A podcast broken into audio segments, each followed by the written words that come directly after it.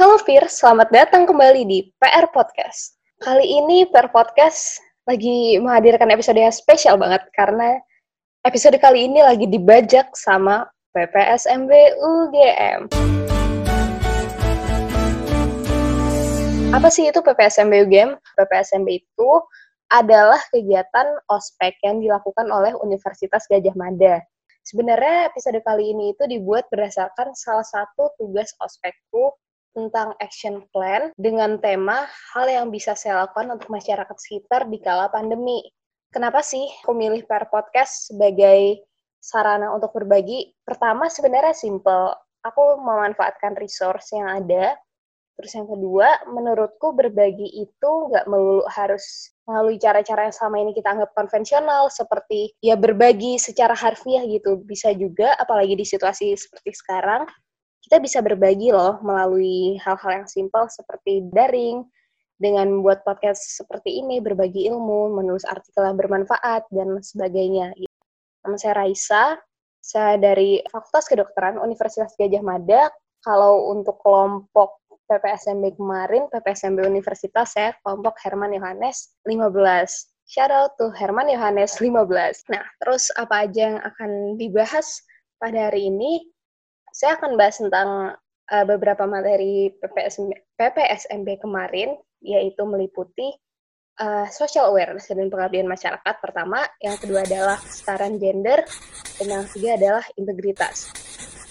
Nah, sekarang nih, walaupun per podcast konsepnya adalah ruang tamu, sebenarnya yang kita undang per podcast itu sendiri. Jadi kayak kita ruang tamu, tapi mengundang tuan rumah sendiri gitu.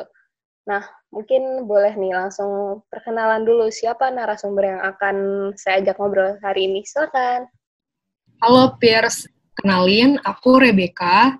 Uh, aku adalah salah satu co-founder dari Pair Podcast dan juga sekarang bertindak sebagai uh, koordinator lah dari uh, keberlangsungan Pair Podcast itu sendiri. Seneng banget sih bisa dapat kesempatan untuk ngobrol bareng teman-teman dari UGM dan bareng pendengar yang lain semuanya. Jadi uh, aku dan BK ini adalah beberapa orang di antara para founder Per Podcast yang ada lima orang sih sebenarnya pada awalnya, tapi sekarang sudah uh, tim Per Podcast sudah bertambah lagi anggota-anggotanya. Untuk pertama nih, aku mau membahas tentang topik kepekaan sosial dan pengabdian hmm. masyarakat hmm. dengan BK dan kaitannya dengan Per Podcast. Pertama, kenapa sih dulu uh, apa yang melatar belakangi untuk membuat PR podcast? Uh, kalau dari aku pribadi, uh, waktu itu kan lagi di masa pandemi gitu kan. Di saat kita semua tidak bisa lah berkumpul lagi dan berhubungan lagi nih bersama teman-teman yang biasanya kita lakukan gitu ketika uh, sebelum ada pandemi ini.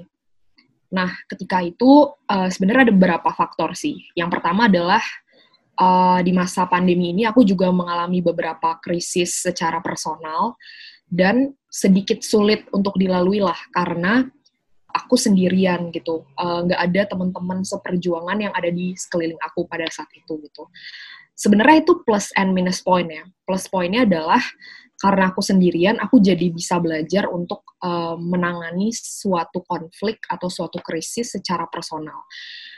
Yang mana jarang banget aku lakukan karena aku orangnya sangat-sangat berorientasi kepada orang lain gitu loh. Aku ekstrovert parah, jadi kayak aku jadi nggak bisa memisahkan gitu antara interest aku dan interest orang lain gitu. Dan itu berdampak buruk juga kan dalam penanganan konflik dan krisis pribadi. Jadinya aku bisa lebih punya ruang lah untuk berpikir sendiri. Tapi juga aku tuh punya kerinduan untuk bisa ngobrol sama lebih banyak orang. Dan akhirnya waktu itu juga aku banyak ngezoom sama beberapa orang gitu yang udah lama aku nggak ketemu gitu karena aku pengen ngobrol aja dan pengen tetap punya interaksi lah dengan orang lain meskipun dengan platform media yang uh, kita punya sekarang yang kayak video conference dan lain-lain gitu. Nah, terus pas aku ngezoom, aku tuh baru sadar dan uh, melihat bahwa ternyata dari ngobrol sama orang tuh kita bisa dapat banyak banget insight gitu. Um, dari pengalaman orang lain, dari perspektif orang lain, kamu tuh bisa banyak belajar dari sana gitu itu satu gitu. Jadi aku menghargai proses pembelajaran dari ngobrol bersama orang lain. kedua adalah waktu itu ketika pandemi banyak banget nih program webinar dan program organisasi-organisasi yang basisnya adalah meningkatkan skill kamu untuk memasuki dunia kerja.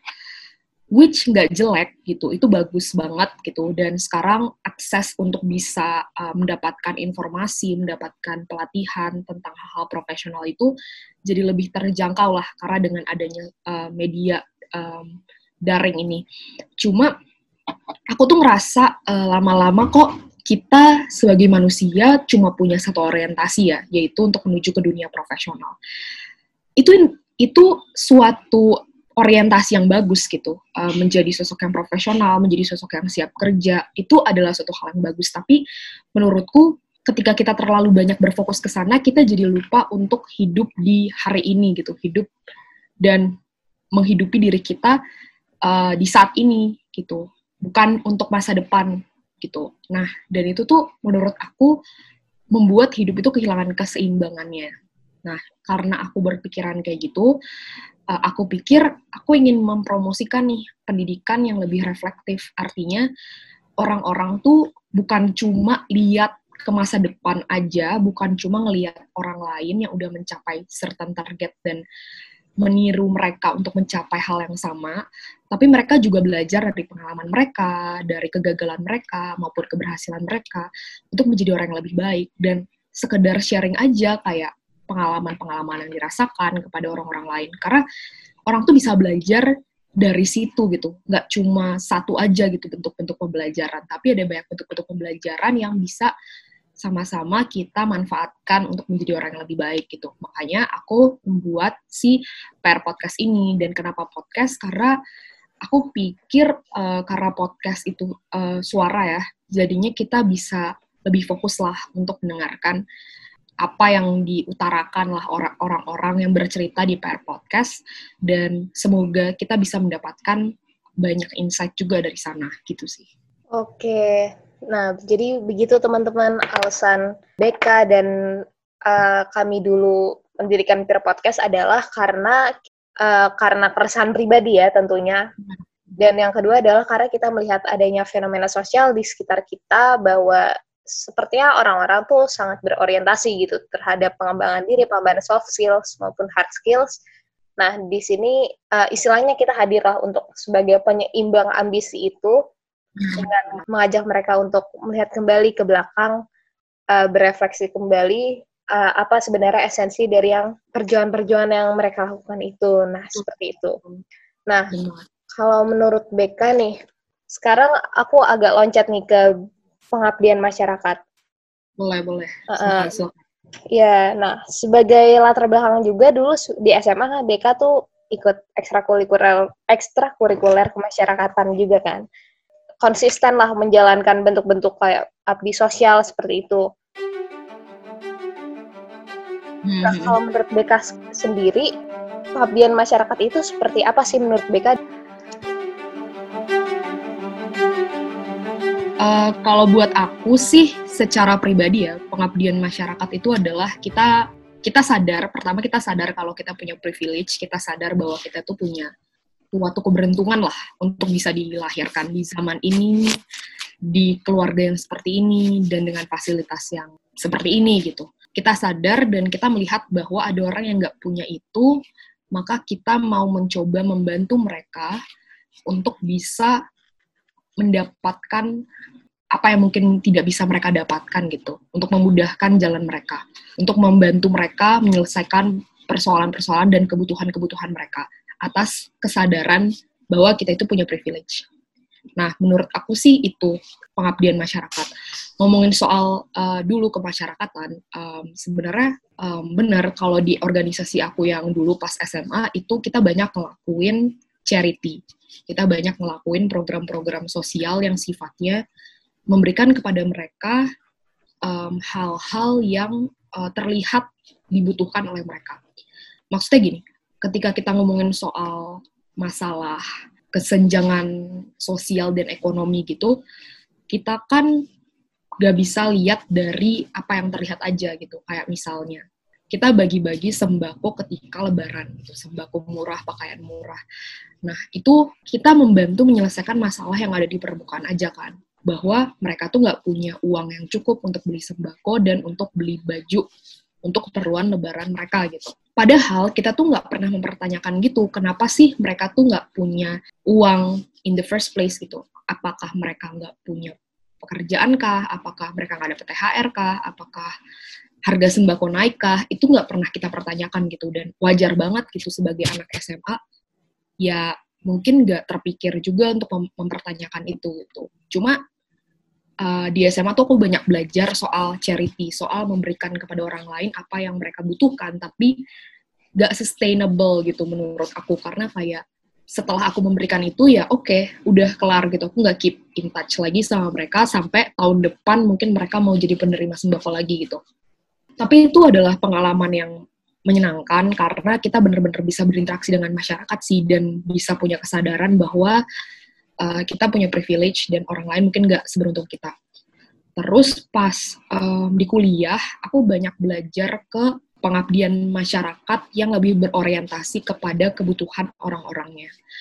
Um, kayak misalnya ketika kita ngasih sembako murah, kalau di kemasyarakatan dulu ya, itu mindsetnya kita bikin bazar sembako murah karena itu selalu terjadi setiap tahun gitu. Itu adalah salah satu bagian dari program kerja kita yang kita harus kerjakan. Tapi sebenarnya kita tuh nggak pernah menganalisis ulang kayak orang tuh butuh atau enggak sih itu.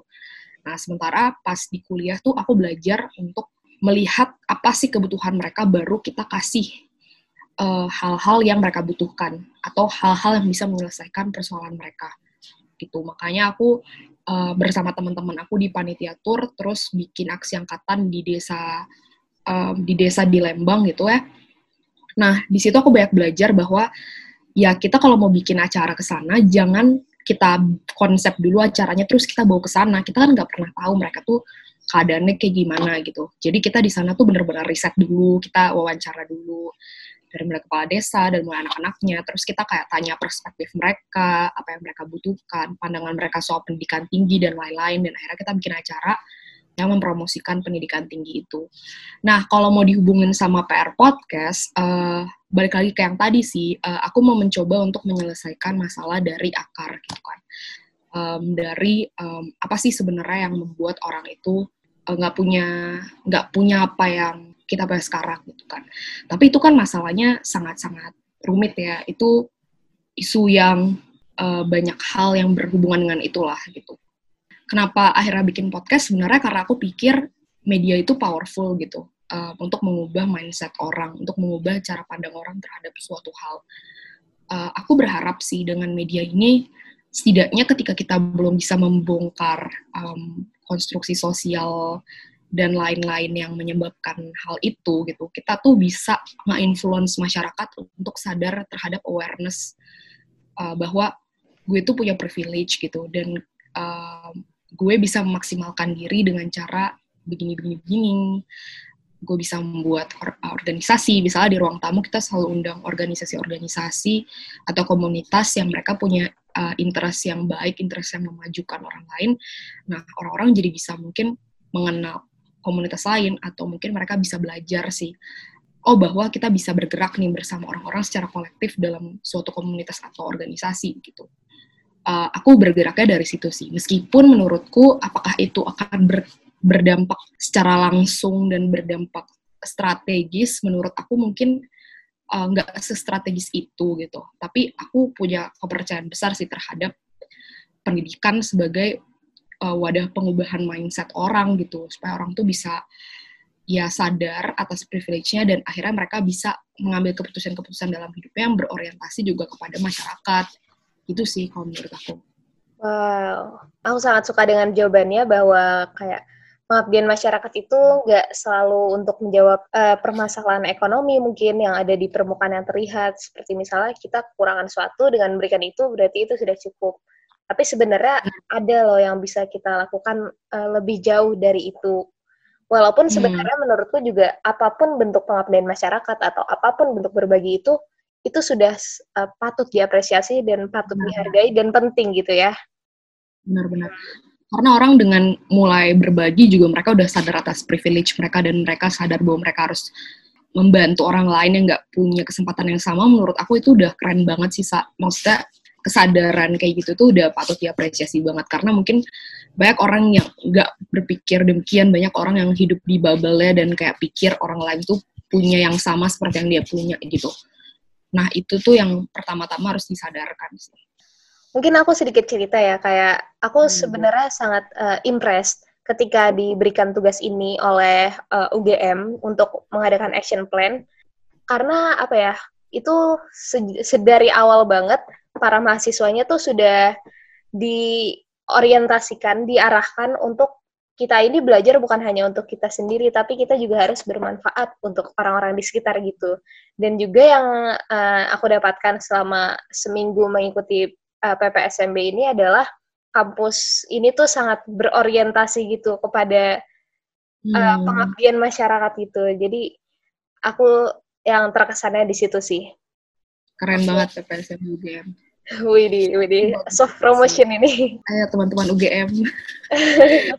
Tapi okay. keren banget, keren aku cuma tahu soal seremonialnya doang kan karena kan PPSMB UGM tuh terkenal banget tuh seremonialnya sangat-sangat ekstra ya sangat-sangat ekstra. Iya, aku juga Cuma, sangat sangat terkesan sih sangat terkesan. Iya terkesan banget terkesan banget. Aku sebagai orang luar UGM gitu ngeliat-ngeliat video-video di Twitter tuh sangat-sangat wow keren banget nih UGM PPSMB-nya. Tapi ngelihat ada tugas kayak gini tambah deh jempolnya buat PPSMB UGM. Wah, ini sebenarnya cuma permukaan back. Mungkin kalau misalnya aku kasih tahu secara mendetail bakal panjang banget ini podcastnya. Tapi nggak apa-apa, nanti kita obrolan off the record aja kali ya. Baik-baik. Nah, berikutnya yang kedua, ini uh, aku lanjut ke materi yang kedua, yang juga materi yang sudah aku dapatkan sama PPSMB, yaitu mengenai kesetaraan gender. Nah, sebelum masuk ke situ, uh, BK tahu nggak sih bedanya antara gender dan jenis kelamin? kind of know, cuma karena gue belum terlalu riset mendalam dan gue takut nanti definisi yang gue berikan uh kurang tepat gitu. Jadi mungkin kalau Raisa sudah riset dan sudah ada informasi yang lebih legit boleh disampaikan uh, kepada Oke, okay. sebenarnya ini bukan riset mendalam juga sih, cuman kayak sekadar definisinya aja. Banyak orang yang menganggap bahwa ini tuh dua hal yang sama gitu. Nah, sebenarnya ada perbedaan antara gender dan jenis kelamin. Kalau jenis hmm. kelamin hmm. itu atau seks dalam bahasa Inggris itu tuh yang berkaitan dengan fungsi biologis. Sedangkan kalau gender itu dibentuk uh, melalui konstruksi sosial. Jadi misalnya kalau hmm. jenis kelamin itu adalah laki-laki dan perempuan, memang hanya dua itu. Nah, berdasarkan fungsi biologis, mungkin misalnya perempuan punya hmm. fungsi untuk uh, bereproduksi, untuk apa ya, hamil dan melahirkan Uh, kalau hmm. laki-laki juga mungkin dari sistem reproduksinya juga berbeda. Nah, sedangkan kalau gender itu mungkin kalau sudah umumnya mungkin kita sebutkan kalau uh, laki-laki tuh harus maskulin, perempuan itu harus uh, feminin. Terus mungkin uh, juga banyak kan di sini yang akhir-akhir uh, ini sudah mulai muncul kayak gender-gender uh, hmm. baru yang sebenarnya saya juga masih kurang riset mengenai hal itu. Intinya adalah gender itu terjadi karena bentukan budaya. Sedangkan kalau uh, seks atau jenis kelamin itu sudah given gitu dari lahir. Mm-hmm. Nah, seperti Benar. itu. Tapi uh, kesetaraan gender yang mau aku bahas pada kali ini mungkin itu ya nggak uh, masuk ke bagian gender yang lebih rumit dulu yang ada banyak. Mungkin lebih ke mm. dibagi dua yaitu laki-laki dan perempuan dulu. Mungkin kalau dari pengalaman BK sendiri, ada nggak sih pengalaman berkaitan dengan fenomena kesetaraan gender gitu? Aku sendiri tuh pernah punya pengalaman sih waktu SMA gitu. Jadi um, di SMA aku tuh ada sebuah organisasi gitulah. Saat itu aku menjabat di sana periodenya itu dua tahun gitu. Yang pertama itu aku jadi um, anggota aja, yang kedua itu aku jadi pengurusnya lah. Hmm. Nah, uh, ketika aku jadi anggota tuh aku memegang bidang kesekretariatan gitu sebenarnya um, bidang yang sebenarnya aku ambil karena aku ngerasa aku tuh punya kemampuan lah atau aku punya skill setnya lah untuk bisa jadi seorang sekretaris gitu pada saat aku uh, mendaftarkan diri aja di asistennya asisten sekretaris ini.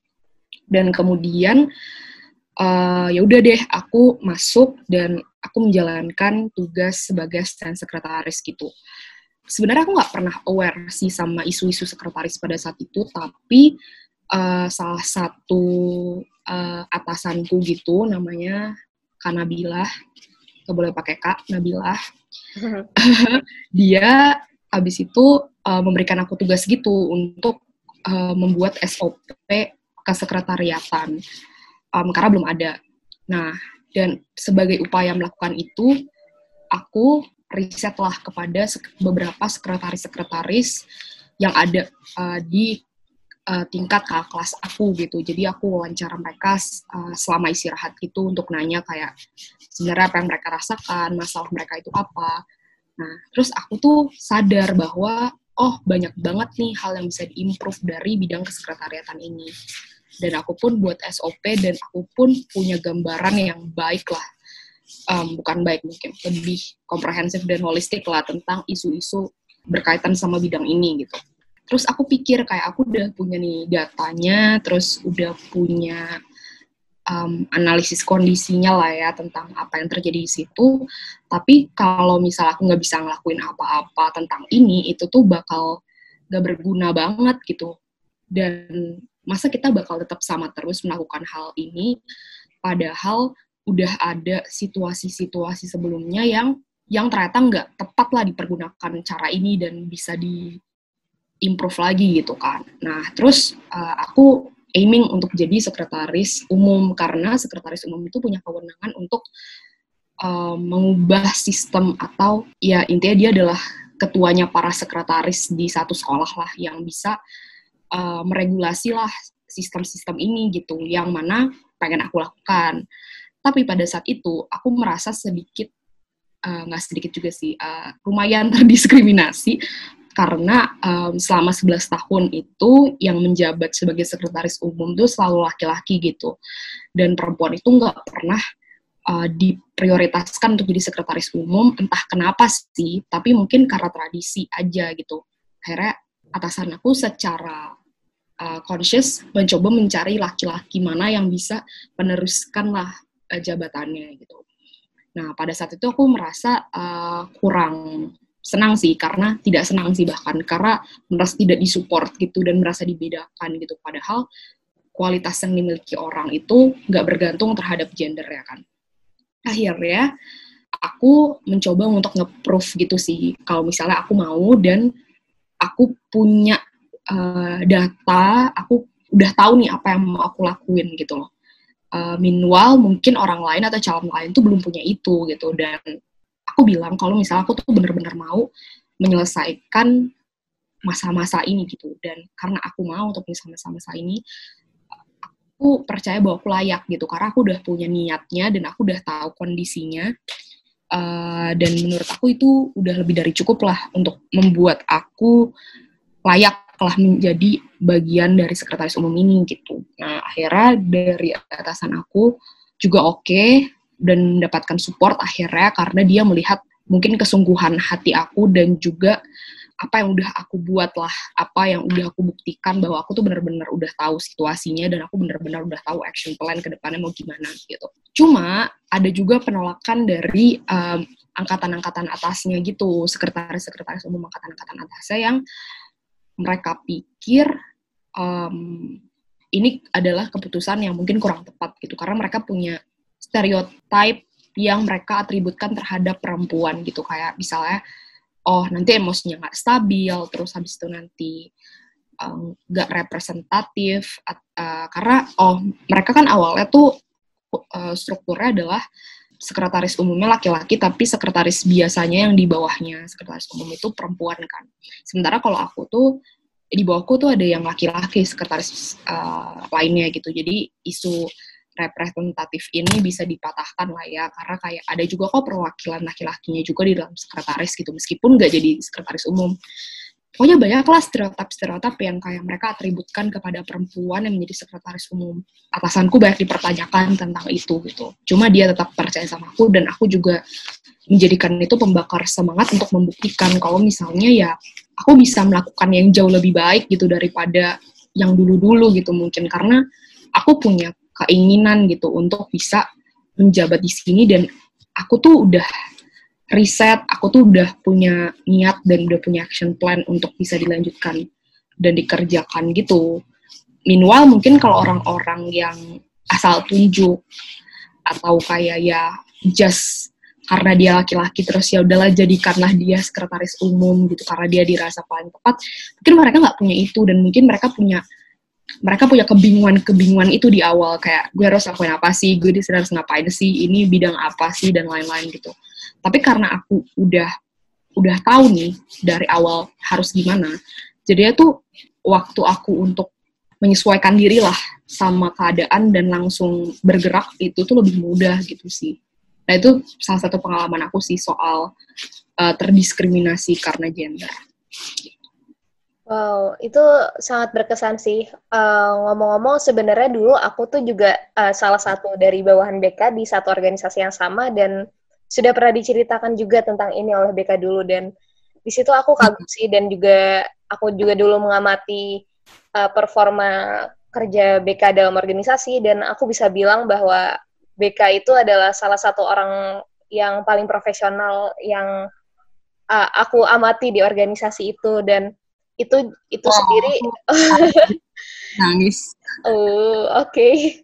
Dan okay. itu juga mematahkan bahwa stereotip bahwa pekerjaan ini tuh lebih baik diisi oleh jenis orang dengan jenis kelamin ini dan segala macamnya dan juga yang tadi sempat dibahas bahwa mungkin kayak stereotipnya perempuan mungkin emosinya lebih tidak stabil dan segala macamnya uh, aku belum riset lebih jauh ya riset saintifiknya seperti apa tapi menurutku hmm. itu itu tuh terbentuk karena ada konstruksi sosial juga loh. Jadi kayak karena selama ini perempuan dicap sebagai emosinya sebagai makhluk yang emosional, yang nggak stabil, dan laki-laki itu dicap harus kuat dan segala macam ya.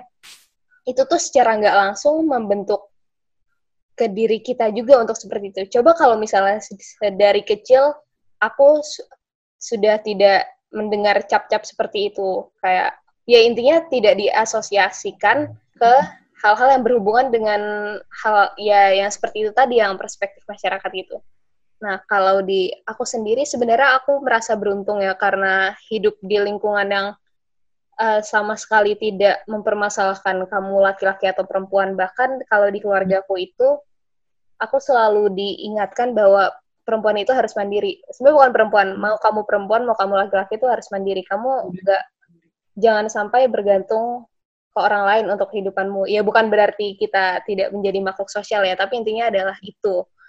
Dan benar, juga aku sempat terkesan sih dulu waktu aku riset-riset awal-awal tentang UGM, mm-hmm. tanpa bermaksud membanding-bandingkan ya, tanpa mem- bermaksud membuat kompetisi, aku melihat kayak kalau nggak salah tahun 2020 ini 13 dari 18 mapres dari fakultas adalah perempuan dan mapres utama sarjana dan diploma juga dua-duanya adalah perempuan. Sebelumnya aku ingin mengucapkan selamat kepada Kak Rabita Madina dari Fakultas Hukum UGM Angkatan 2017 atas prestasinya meraih juara satu mahasiswa berprestasi nasional 2020. Selamat atas kerja kerasnya dan terima kasih karena telah menginspirasi kami. Dan di situ aku terkesan sih karena apa ya berarti perjuangan para pendahulu kita Raden Ajeng Kartini, Cut Nyadin, dan Dewi Sartika dan segala macam itu sudah berbuah hasilnya sekarang itu sudah mulai perlahan-lahan uh, terlihat bahwa sebenarnya gender itu tidak menjadi tolok ukur kapabilitas seseorang gitu. Buktinya banyak oh. perempuan-perempuan yang bisa bersinar di bidang masing-masing seperti itu. Benar-benar penting banget sih untuk bisa uh, ada kesadaran itu gitu. Kalau misalnya ya perempuan juga bisa berkembang lah uh, di bidang-bidang yang mereka inginkan. Uh, ini ada satu ini sih cerita, tapi ini dari UGM juga ceritanya. Jadi nggak apa-apa lah ya iya, dari boleh UGM. banget. Jadi uh, ada salah satu ketua himpunan UGM gitu, uh, HMT UGM, namanya kayak Cinta Syafira. Um, kayak cinta ini pernah ngobrol sama aku di suatu event soal ngomongin soal kesetaraan gender gitu loh, stereotip yang dilekatkan kepada perempuan yang menjadi seorang leader gitu kan. Dia kan ketua himpunan ya dan um, apa ya mungkin banyak kasus di mana perempuan itu selalu diasosiasikan kepada pekerjaan-pekerjaan yang kayak sekretaris atau ya wakil gitu loh. Kayak jarang banget perempuan tuh punya akses untuk bisa jadi ketua gitu dan uh, kayak Cinta juga berbagi tuh pada saat itu gimana kesulitannya dia untuk mencalonkan diri sebagai ketua himpunan uh, UGM gitu. Uh, pada saat itu dia merasa bahwa uh, dia kan mencalonkan itu tuh udah berdua gitu kan, jadi udah sama wakil gitu. Dia merasa banyak orang yang um, mempertanyakan gitu loh, kenapa dia yang ketuanya sementara wakilnya laki-laki gitu, kenapa nggak wakilnya aja jadi ketua gitu. Bayangin gak sih? Dan kayak oh. banyak orang yang ngomongin di belakang gitu sih, kayak pertanyakan kayak, oh serius nih kayak gitu. Dan aku lihat ternyata emang banyak sih terjadi kayak gitu masih banyak gitu. Dan bahkan ya dari perempuannya sendiri juga kadang mereka juga melimitasi diri mereka sendiri. Misalnya kayak mereka ingin melakukan sesuatu pengen menjadi ketua di suatu organisasi mereka ingin memimpin gitu. Tapi kadang dari merekanya sendiri juga merasa uh, ragu gitu. Karena kayak apakah aku akan dipilih oleh orang-orang karena aku perempuan dan lain-lain dan karena rasa takut dan ragu itu akhirnya mereka bahkan gak mencoba gitu untuk mencalonkan diri. Sering banget gak sih kalau misalnya ada pencalonan ketua, pencalonan apa pun, biasanya tuh yang mendominasi tuh ya laki-laki gitu. Karena mungkin perempuannya juga merasa, kayak gue eh, nggak uh, cocok deh jadi leader gitu. Lebih baik laki-lakinya, kayak gitu sih. Nah, menurut aku itu bukti bahwa ternyata um, itu masih adalah prakteknya dalam hal leadership ya. Dan juga sampai pada poin di mana perempuannya sendiri juga ya mengamini hal itu gitu dengan akhirnya nggak jadi nggak jadi mencalonkan diri dengan nggak jadi ikutan nggak jadi mengambil peran uh, itu membuktikan kalau misalnya ya dari perempuannya juga akhirnya uh, menginternalisasi lah stereotip itu padahal itu harusnya uh, tidak tepat kayak gitu sih. Iya benar-benar aku juga aku juga tiba-tiba kepikiran nih tentang PR podcast tuh tanpa sengaja loh ini, tanpa sengaja pembicara-pembicara mm-hmm. kita tuh mayoritas perempuan dan kita juga kan punya kriteria-kriteria tersendiri lah dalam memilih pembicara. Ya terutama karena dia punya cerita yang uh, precious gitu untuk disampaikan kepada para pendengar dan kebetulan yang ada di lingkungan sekitar kita tuh banyak loh perempuan-perempuan hebat yang ada di sekitar kita seperti itu gitu. Dan sebenarnya ya balik lagi seperti yang aku sampaikan tadi, laki-laki dan perempuan itu bukan hadir untuk berkompetisi, melainkan kita tuh hadir untuk bekerja sama satu sama lain gitu. Bahkan mungkin istilah berbagi peran itu agak kurang tepat ya. Misalnya kayak berbagi peran di dalam eh, rumah tangga gitu. Karena ya memang sebenarnya peran laki-laki dan perempuan itu selain dari peran biologisnya, menurutku peran yang berhubungan dengan keseharian, dengan kehidupan sosial, itu tuh sebenarnya tidak ada hitam dan putihnya gitu. Karena baik laki-laki maupun perempuan tuh bisa melakukan apa pun gitu lah. Jadi ya intinya adalah itu laki-laki dan perempuan itu hadir tidak untuk berkompetisi melainkan untuk bekerja sama gitu. Benar-benar benar banget sih. Um, emang semua orang tuh punya perannya masing-masing lah dan itu nggak terbatas soal gender mereka sendiri mereka sih. Karena kan orang nggak bisa memilih kan. Ya mereka nggak bisa memilih kan. Mereka akan dilahirkan dengan jenis kelamin apa dan konstruksi sosial macam apa yang akan lekat kepada jenis kelamin mereka gitu. Seperti halnya uh, perempuan dan laki-laki yang uh, konteks yang kita bahas ini gitu. Ya semua orang harus punya peluang yang sama sih untuk berkembang dan mengaktualisasi diri itu Ya, dan itu akan terus selalu menjadi PR, PR podcast. ya, PS. Oke, okay. nah, kayak dirasa cukup membahas tentang kesetaraan gender. Berikutnya aku mau membahas tentang materi PPSMB lain nih yang aku dapatkan, yaitu mengenai integritas. Nah, oh, PPSMB itu banyak banget ya materinya, by the way. Oh, Keren deh. Ini tuh ini tuh cuma sebagian kecil baik sebenarnya masih banyak lagi materinya tapi podcastnya tuh bakal seharian mungkin panjangnya kalau misalnya kita bahas iya. semua materinya nah tentang integritas sendiri nih integritas itu seperti apa sih dan cerita dari pengalaman pribadi BK yang bertema integritas ini uh, oke okay. buat aku tuh integritas tuh uh, sesimpel walk the talk sih. Artinya Hmm. kita menjalankan apa yang kita mau jalankan gitu. Uh, mungkin ini agak-agak beda sih sama definisi integritas. Banyak orang yang bilang kalau misalnya integritas itu harus sesuai norma, harus sesuai peraturan, dan lain-lain. Mungkin ya itu juga integritas gitu. Tapi aku memaknai integritas tuh kayak gitu gitu, sesimpel um, konsisten dan sehati sekata lah gitu. Pengalaman aku dengan integritas tuh sebenarnya ada banyak mungkin ya, cuma mungkin tidak disadari gitu. Cuma kalau aku integritas dalam kehidupan sehari-hari ya yang paling penting menjalankan proses dengan baik gitu, dengan jujur dalam segala hal sih, mulai dari sisi akademis ya. Kalau akademis ya semua orang tahu lah jangan nyontek gitu kan, itu udah prinsip paling dasar, jangan plagiat, jangan um, ya intinya jangan mencuri karya orang lain dan hasil orang lain dengan cara-cara seperti itu gitu kan. Karena nggak tahu ya, uh, dulu mungkin orang tuh malu ya kalau misalnya nyontek karena kayak mikirnya itu suatu hal yang tercela lah. Tapi kayaknya sekarang kayak semua orang dengan bangga gitu bilang kalau misalnya mereka nyontek gitu. Yang itu membuktikan kalau misalnya ini udah cukup parah sih uh, fenomena kayak gini gitu.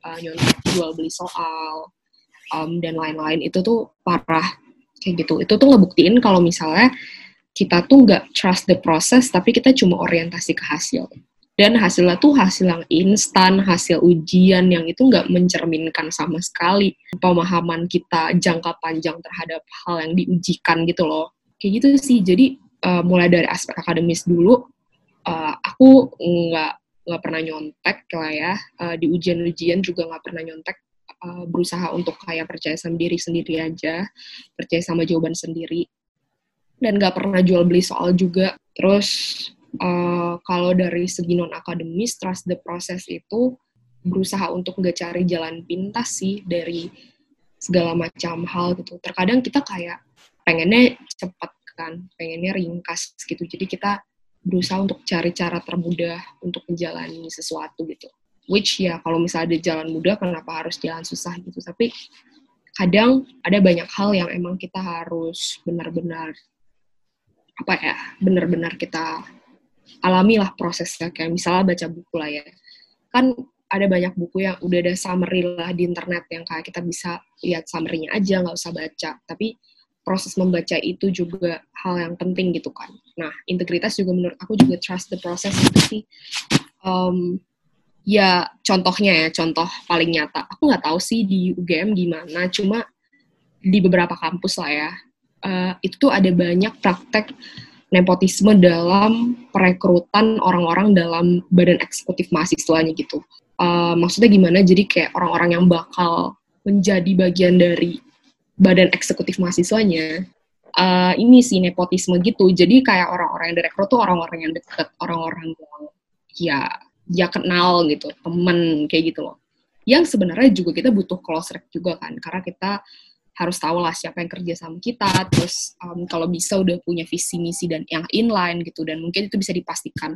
Tapi akhirnya itu enggak, uh, itu tuh praktek nepotisme kayak gini tuh apa ya? Kayak jadi kamu tuh bisa mendapatkan sesuatu dengan mudah karena kamu tuh punya banyak kenalan gitu, bukan karena kualitas kamu, bukan karena apa yang telah kamu buktikan um, dari situ gitu. Dan menurut aku ini mengkhianati proses sih gitu, mengkhianati proses kita untuk bisa uh, mengembangkan diri, terus bisa memantaskan diri lah untuk menjadi bagian dari badan eksekutif mahasiswa. Akhirnya harus kalah sama orang yang punya banyak kenalan, deket, dan lain-lain yang emang mungkin kalau misalnya kenalan aja tapi mereka udah punya suatu karya yang bisa dibuktikan lah ya kayak misalnya mereka menang lomba tertentu yang relevan atau mereka punya organisasi yang relevan mungkin itu better sih cuma banyak juga terjadi kayak oh, mereka nggak punya track record di bidang itu sama sekali gitu kan.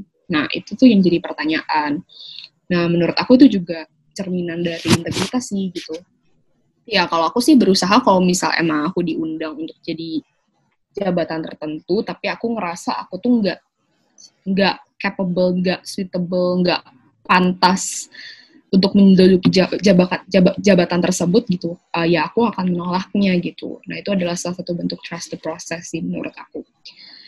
Uh, itu di bidang akademis dan di bidang akademis mungkin kayak gitu sih kalau dari aku.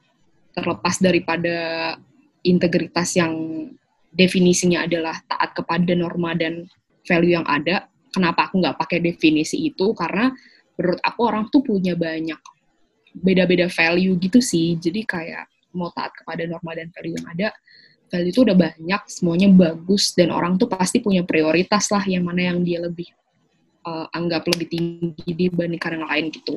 Jadi kalau misalnya kita menggunakan definisi itu ya nggak bisa dipukul rata juga. Cuma kalau bisa aku bisa ngomong definisi aku sih kayak gitu sih Menarik sih, menarik. Jadi definisi integritas menurut BK lebih kepada trust the process, bukan berorientasi pada value karena memang value masing-masing orang tuh beda. Kalau hmm. aku sendiri, sebenarnya kurang lebih mirip sih pengalamanku sama BK. Aku juga uh, tipe orang yang lebih ke apa ya, menghindari lah, menghindari perbuatan nyontek karena ya sebatas hmm. sesimpel aku punya janji kepada diriku sendiri gitu untuk selalu jujur lah sebisa mungkin jujur di segala kegiatan. Nah, tapi aku sendiri juga mengartikan integritas itu tentang value aku juga, walaupun mungkin tadi disebutin value-nya beda-beda. Dan menurutku mm -hmm. ini akan lebih susah ya untuk dilaksanakan. Aku belum pernah sih menemui contoh ekstremnya gimana, tapi mungkin karena aku punya value untuk uh, berpihak pada kebenaran, walaupun itu akan merugikan diriku sendiri, dan hmm. kebetulan aku belum pernah sih menghadapi situasi seperti itu dan aku juga nggak hmm. tahu ketika nanti menghadapi situasi seperti itu akan seperti apa. Misalnya, misalnya nanti aku sedang berkuliah nih, terus aku melihat sebuah suatu bentuk ketidakadilan yang dilakukan, uh, semoga tidak akan terjadi ya, yang dilakukan oleh kampusku terhadap mahasiswanya atau ada aturan-aturan yang um, mendiskriminasikan pihak tertentu. Nah, apakah uh, aku sebagai mahasiswa yang mempunyai value berpihak pada kebenaran akan berani gitu untuk menyuarakan hal tersebut dengan risiko uh, melawan entitasku entitasku sendiri itu yaitu kampus itu sendiri dan apakah aku hmm. akan berani mengambil risiko itu aku masih belum tahu sekarang belum bisa menemukan jawabannya sekarang tapi sebisa mungkin ya seperti itu aku berpihak hmm. kepada kebenaran dan dari hal-hal hmm. kecil yang bisa aku lakukan sekarang seperti itu sih ya itu definisi integritas orang kan macam-macam kayak mereka apa yang penting buat mereka untuk mereka prioritaskan dibandingkan yang lain. Kalau kata kamu kan memprioritaskan kebenaran which is good banget gitu kan. Cuma mungkin pembuktian integritasnya aja sih yang belum ada kali ya belum ada kesempatan di mana kamu memang harus benar-benar kayak berada dalam situasi ekstrim kayak gitu gitu. Jadi semoga kamu bisa walk the talk sih pasti. Amin amin Ya, dan semoga apa pun hmm. keputusanku nanti ya pada akhirnya akan berbuah baik gitu ya, walaupun kita nggak tahu kan apa yang akan terjadi nanti. Gitu. Benar, benar, benar, hmm. benar, benar, benar. Nah, sebenarnya sudah selesai nih apa yang mau kita uh, bicarakan pada hari ini terkait dengan per podcast dan materi PPSMB. Nah, kalau dari okay. kita sendiri, ada nggak nih yang pengen di uh, yang pengen ditambahin lagi mungkin yang belum sempat kesentuh tadi atau yang udah sempat dibahas dan menurut BK ini perlu diulang karena ini adalah poin yang sangat penting gitu. Coba dari BK ada nggak? Hmm, oh, kalau aku mungkin lebih ke bagian terakhir yang integritas kali ya. Kan ini buat teman-teman PPS MBUGM. Uh, eh, pertama-tama tuh ya praktek integritas tuh pasti susah sih tapi menurut aku yang paling penting dalam integritas tuh pertama kayak kenali diri dan kenali value yang mau dibawa dalam hidup gitu sih. Kayak sebenarnya kamu itu mengutamakan value apa dibandingkan yang lain itu tuh penting banget untuk dikenali gitu. Itu juga proses. Setelah udah tahu nih value-value apa sih yang menurut kamu penting, ya udah kamu harus berpegang teguh lah kepada wacana atau value tersebut gitu. Ya jadikanlah diri kita semua ya. Uh, itu tuh cerminan dari value kita atau cerminan dari apa yang kita anggap penting gitu. Jadi itu membuat kita tuh personal lah, manusia yang personal karena uh, kita berpegang lah sama value kita yang mungkin beda juga dibandingkan value orang lain gitu. Nah setelah itu baru menurut aku itu adalah praktek integritas yang nyata sih. Setelah berpegang teguh, terus setiap kali ada situasi yang um, mungkin membuat kita bingung, bunda, apa yang harus dilakukan, dan kita tetap berpegang terhadap value yang kita pegang, menurutku itu pembuktian integritas sih, dan kayak ya gak akan langsung berhasil gitu, pasti ada juga kesempatan di mana kamu tidak melakukan itu gitu. Um, tapi yang paling penting kamu sadar dan kamu memperbaikinya sih, karena manusia tidak sempurna, tapi kan manusia perlahan-lahan berproses menuju yang lebih baik gitu kan. Gitu sih, terus semangat lah uh, kuliahnya semuanya. Semoga kuliah itu bukan cuma jadi sarana uh, belajar, mendapatkan nilai, um, mendapatkan title yang bagus di CV kalian masing-masing, tapi benar-benar jadi journey yang mengubah hidup kalian sih secara personal dan kalau misalnya kalian secara pribadi berubah secara positif, tentu orang-orang lain di sekitar kalian juga akan merasakan perubahan itu. Itu sih. Semangat, semangat. Oke, terima kasih banyak atas nasihatnya dan ya itu iya, tadi aduh, ada tua banget sih nasihat. Oke, terima kasih banyak atas apa ya? Petua, lebih tua lagi. itu barusan adalah uh, implementasiku terhadap salah satu penugasan BPSMB yaitu action plan hal yang dapat saya lakukan untuk masyarakat sekitar di masa pandemi ini. Semoga apa yang saya lakukan, apa yang kita lakukan, apa yang saya dan BK obrolkan pada hari ini benar-benar bisa membawa manfaat bagi masyarakat sekitar. Dan diharapkan juga dampaknya lebih luas karena ini disebarkan melalui uh, media sosial gitu. Oke, terima kasih kepada kalian yang sudah mendengarkan sampai sejauh ini. Jangan lupa kalau kalian rasa ini bermanfaat, share the story, enjoy the journey. Bye-bye.